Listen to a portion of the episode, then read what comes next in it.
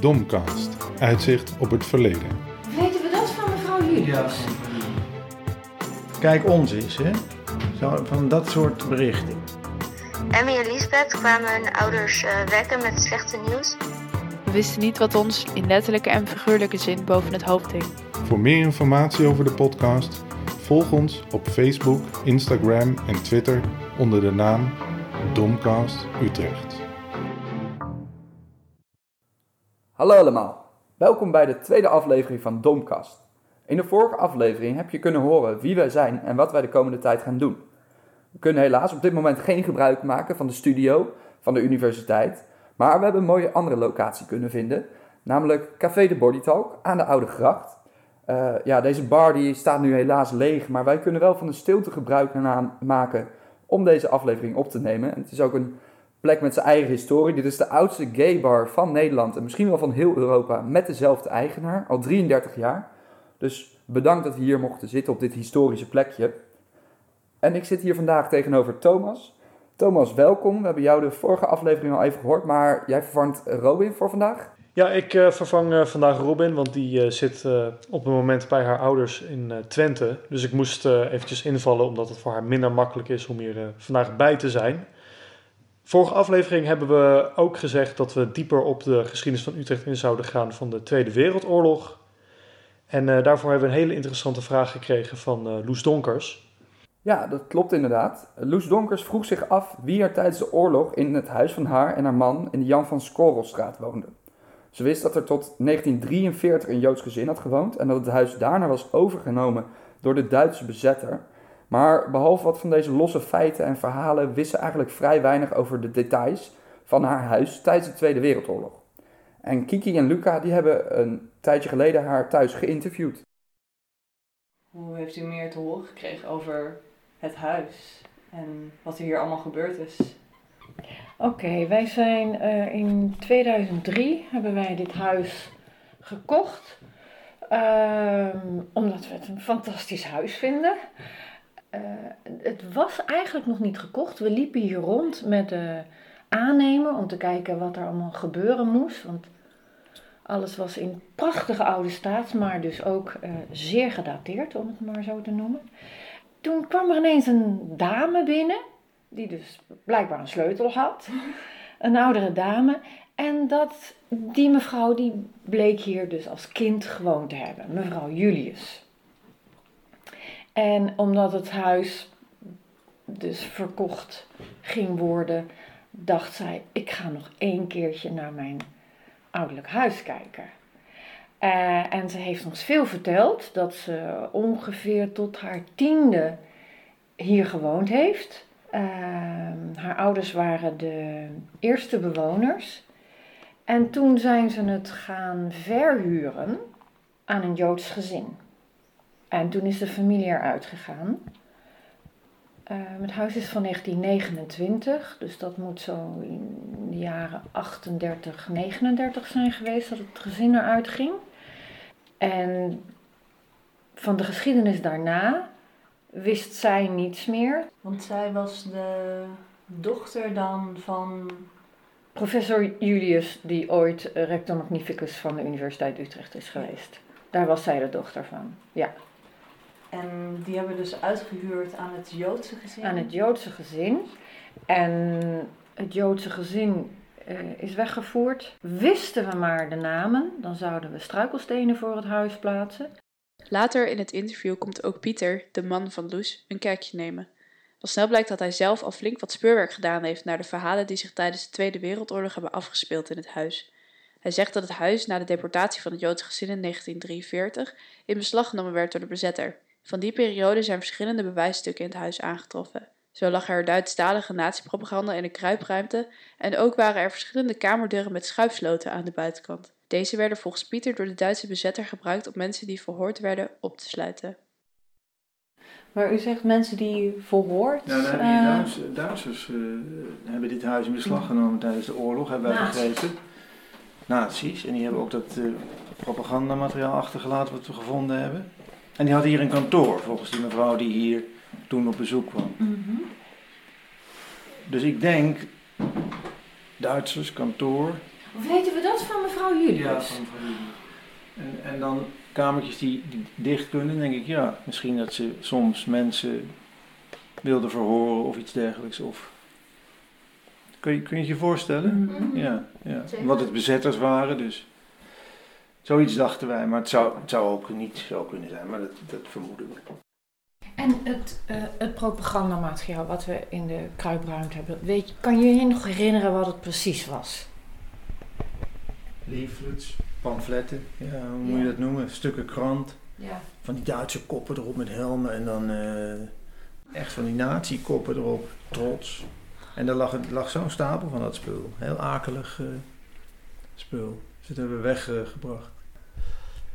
Enig idee waarom dat in zo'n Ik in de kruipruimte zou ik zijn denk dat het eh, bijvoorbeeld vlak voor de capitulatie eventjes veel snel weg werd gegooid of zo, weet je wel? Want het, het was echt, hup, zo erin ge- gedonderd in die, in die, eh, in die kruipruimte. Het lag lag- ook ver weg van de opening. Lag het op een net stapeltje of echt nee, allemaal? Een weggegooide stapel. Echt zo van, hup, Jij hebt het gevonden. ik heb het gevonden. Ja. Ja. Van het oude brosse papier, geel, weet je wel. Ja. Kijk ons eens, hè. Zo, van dat soort berichten. We hebben weer gewonnen in, Oost, eh, in de Oost en dat soort dingen. Dat stond erin. Dat, want ik heb het bekeken natuurlijk. Toch heeft Pieter nog veel vragen over de periode 1940-1943, waarin het huis werd bewoond door een Joods gezin. Wie waren deze mensen en wat is er met hem gebeurd tijdens de oorlog? Ja, en ik weet niet, ja, die Joodse mensen waren uitge, uitge, die waren weggevoerd. Een gezin met twee kinderen, dat zijn mevrouw Julius. Oké. dat- Op een vrachtwagen en weg. En toen kwamen die Duitsers erin. Ja, zo ging dat. En eh, heb je verteld dat we dat hebben geëerd in onze... Nee, heb ik Ja, niet. ja, we hebben ter ere van die familie hebben een, eh, een, zo'n raamdecoratie, hebben een alef ingezet. Dus het, eh, de eerste letter van het Hebreeuwse alfabet. En we wilden ook die stolpstein eh, in, het, in de stoep. Die ken je wel, hè? die koperen stenen. Maar daar zijn we nog steeds... We we weten die namen niet. Dus dat, dat konden we niet realiseren. Ja, dan heb je net een huis gekocht, dan kijk je in de kruipruimte en dan ligt het vol met papieren, met Duitse teksten, oude krantenstukken. Wat zou, wat zou jij daarmee doen? Ja, dat is, een, eh, dat is wel een eh, interessante vraag inderdaad. Want ik denk net als jij ben ik een geschiedenisstudent. Ik vind het natuurlijk ontzettend interessant wat je daar allemaal vindt. Eh, maar wat je er precies mee zou doen, dat is misschien voor velen natuurlijk een, een vraag waar, waar je dan mee zit op dat moment. Nou, ik zelf zou daar dan mee of naar bijvoorbeeld de gemeente gaan om eh, te laten zien, kijk, ik heb dit gevonden. Eh, kan dit in een bepaald archief? Eh, en zeker, ja, zeker zou ik het ergens opslaan voor verder gebruik. Ik denk dat dat is wat ik zou doen. Ja, bewaren in ieder geval. Ja, ik ben heel benieuwd wat er nog in de kruipruimtes van Utrecht verborgen ligt. Ik denk nog heel veel oud materiaal, maar daar, daar komen we misschien ook nog wel achter. Even kijken, Thomas, eh, Pieter had het in het gesprek over eh, struikelstenen, stolpersteinen. Kun je daar iets meer over vertellen? Ja, struikelstenen, dat zijn een soort van monumentjes, kan je het eigenlijk noemen. Dat zijn stenen die je in de stoep plaatst, als het ware. Ja, die eh, gedenken dus eigenlijk mensen, of vaak Joodse mensen, die zijn eh, weggevoerd uit een... eh, Uit het huis waar die stenen Ja, voor ja, precies. Ja. dus die, die gedenken dan vaak die mensen die daar wonen. Maar voor dat soort stenen zijn vaak wel de namen nodig van die mensen. En nou ja, ja. dat wisten, de, eh, ja, dat wisten Loes en eh, Pieter Donkers op dat moment niet. Nee. nee, want zij willen eigenlijk zo'n steen plaatsen, zo'n steen laten plaatsen voor de deur, maar ze hebben namen nodig. Ehm, ja, daar is onder, we hebben onderzoek gedaan voor die namen en daarvoor hebben we nu aan de telefoon Luca. Luca, kan jij ons vertellen eh, wat je hebt gevonden in de archieven? Ja, ja zeker. Eh, ja, ik had voor deze vraag eh, samen met Kiki afgesproken in het eh Utrechts archief. En vlak voordat ik wilde vertrekken eigenlijk belde zij mij en zei... Ja, Luca, ik heb al een naam gevonden. En ja, toen ben ik natuurlijk heel hard naar het archief gefietst, want ik was wel benieuwd. Ja, ik denk dat ik dat wel kan geloven, inderdaad. Hoe had Kiki die naam precies gevonden? Nou, eerst hebben we het eh, oude huisnummer dat Loes Donkers ons had gegeven eh, opgezocht. Eh, want de huisnummers in de Jan van Schoolstraat zijn na de oorlog veranderd. Vervolgens hebben we dit adres toen ingevoerd in de zoekmachine van het Joods monument. En hier kwam zeker een naam uit. Nou, geweldig. Wat goed dat jullie dat zo hebben kunnen vinden. Op welke naam zijn jullie uiteindelijk uitgekomen? En nou, dat was de naam Maurits Lodewijk Muller. En hij was de vader van het Joodse gezin. En wat was de familie Muller voor gezin? Uh, nou, toen ik in de bibliotheek en online ging zoeken naar informatie over deze familie, uh, kwam ik eerst uit bij enkele dagboekfragmenten van Maurits Muller en bij een boek over Joodse artsen in Nederland tijdens de Tweede Wereldoorlog. Maurits was namelijk een bekende gynaecoloog in het Utrechtse Diakonessenhuis. Um, hij was getrouwd met Rebecca Wolf, zij was ook arts. En samen hadden ze vier dochters. De oudste was uh, de rustige en slimme Gesina. Daarna kwam de extraverte Phil. Vervolgens de ondeugende en zwartharige Emmy. En als laatst uh, de vrolijke en jongste Lisbeth. Um, ja, het gezin was eigenlijk erg hecht. In 1914 schreef vader Maurits in zijn dagboek dat een huwelijk zonder kinderen uh, volgens hem een levenstaak zonder doel was. En deze uitspraak kenmerkte eigenlijk zijn liefdevolle karakter, zowel als vader als als arts.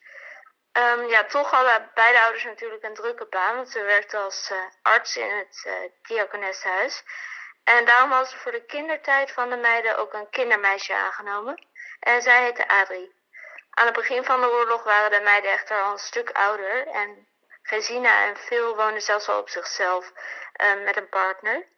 Oké, okay. ik kan me voorstellen dat Loes en Pieter ook wel wat meer willen weten over hoe ze leefden in de Tweede Wereldoorlog. Heb je daar toevallig ook iets over kunnen vinden?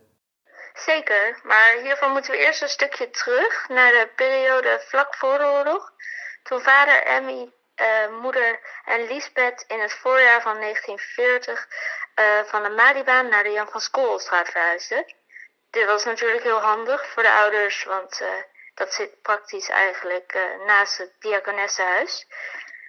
Toch schreef Maurits in zijn dagboek dat de beslissing om te verhuizen een moeilijke beslissing was geweest. Het is natuurlijk moeilijk om achter te laten wat je dierbaar is. Uh, gelukkig hadden ze nog wat oude spulletjes meegenomen die ze een mooi nieuw plekje hebben gegeven in de Jan van Schoolstraat. En al met al was hun nieuwe huis dan ook een aardig huisje, zo schreef Maurits in zijn dagboek. Oké, dit was het voorjaar 1940, zei je. Nou ja, we weten allemaal wat er toen gebeurd is. Hoe was dat voor het gezin? Hoe beleefden zij de komst van de Duitsers? Ja, amper een uh, maand later werd het gezin op 10 mei rond 3 uur s'nachts opgeschrikt door overtrekkende Duitse vliegtuigen. Emmy en Lisbeth kwamen hun ouders uh, wekken met slechte nieuws. En vijf angstige dagen volgden tot Nederland zich op uh, 15 mei overgaf aan de Duitsers. De avond van de capitulatie ontvingen onder andere de bewoners van de Jan van Skorrelstraat het bericht dat ze zich moesten verplaatsen naar de Utrechtse binnenstad. Maurits schreef hierover dat de gezinsleden samen met honderden anderen vertrokken naar het centrum. Rotterdam was namelijk gebombardeerd en de geruchten zeiden dat uh, Utrecht zou volgen.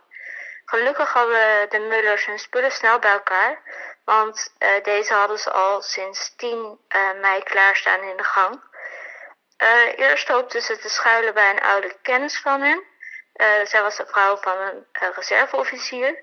Maar toen het bij haar uiteindelijk zo druk werd, besloten ze hun heil te zoeken bij een oude buurvrouw aan de Malibaan. Nou, Luca, ontzettend bedankt dat jij hiervoor onderzoek hebt gedaan en dat je bij ons nou, in de aflevering zit op dit moment. Ja, geen probleem. En wie weet tot de volgende keer. Ja, wat een verhaal en wat mooi dat we dit ook nog hebben, dat we deze dagboek gegevens hebben, zodat we ons een beetje kunnen inbeelden hoe het was. In die nacht, je koffer staat al dagen te wachten en opeens moet je bij je buurvrouw aan de Malibaan gaan schuilen. Ja, dat is uh, iets waar we ons nu moeilijk uh, veel bij kunnen voorstellen. Zeker wat er allemaal in die tijd gebeurd is voor ja, zoveel mensen uh, tijdens die oorlog. De rest van de avond beleefde het gezin vol angst. Maurits schreef: We wisten niet wat ons in letterlijke en figuurlijke zin boven het hoofd hing. Het wereldbeeld was gewijzigd door enkel één man in Duitsland. Hij vergeleek de situatie met de Nederlandse mobilisatie van 1914.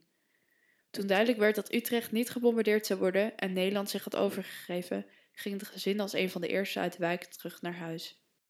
Goed, Nederland bezet. Uh, dat ontzettend veel gevolgen natuurlijk voor ontzettend veel Joden in heel Nederland. Zo ook voor de familie Muller. We vragen ons natuurlijk af wat er gebeurde met dit gezin. En uh, nou, dat gaan we horen in de volgende aflevering. Inmiddels aflevering 3 alweer. In de vorige aflevering had ik beloofd om het ook nog uitgebreider te gaan hebben over het voormalige hotel aan de Voorstraat. Dat houden jullie nog even te goed. Zoals Thomas al zei, gaan we de volgende aflevering verder met de familie Muller. Wat is er met hun gebeurd? Dit was het einde van de aflevering. Mijn naam is Maurice. Mijn naam is Thomas. En hopelijk zien we je de volgende keer bij Domkast, Uitzicht op het Verleden. Zijn er in deze aflevering dingen die je hebt gehoord, waar je vragen of opmerkingen over hebt? Dan kun je ons bereiken via Facebook, Twitter en Instagram onder de naam Domkast. We zijn ook via de mail te bereiken. Stuur dan een bericht naar info.domkast.nl Je kunt je ook aanmelden voor onze nieuwsbrief. Zo blijf je op de hoogte van de laatste ontwikkelingen en krijg je bericht wanneer de nieuwste aflevering online staat. Aanmelden kan via www.domkast.nl. Op deze site vind je ook onze speciale aflevering. Domkast wordt gemaakt door een team van enthousiaste studenten, maar we hadden deze aflevering niet kunnen maken zonder de hulp van Community Service Learning, de Universiteit Utrecht, het Utrechts Archief, Pieter en Loes Donkers, Hans Schuurman, Vijve Zweers en Katinka Beer.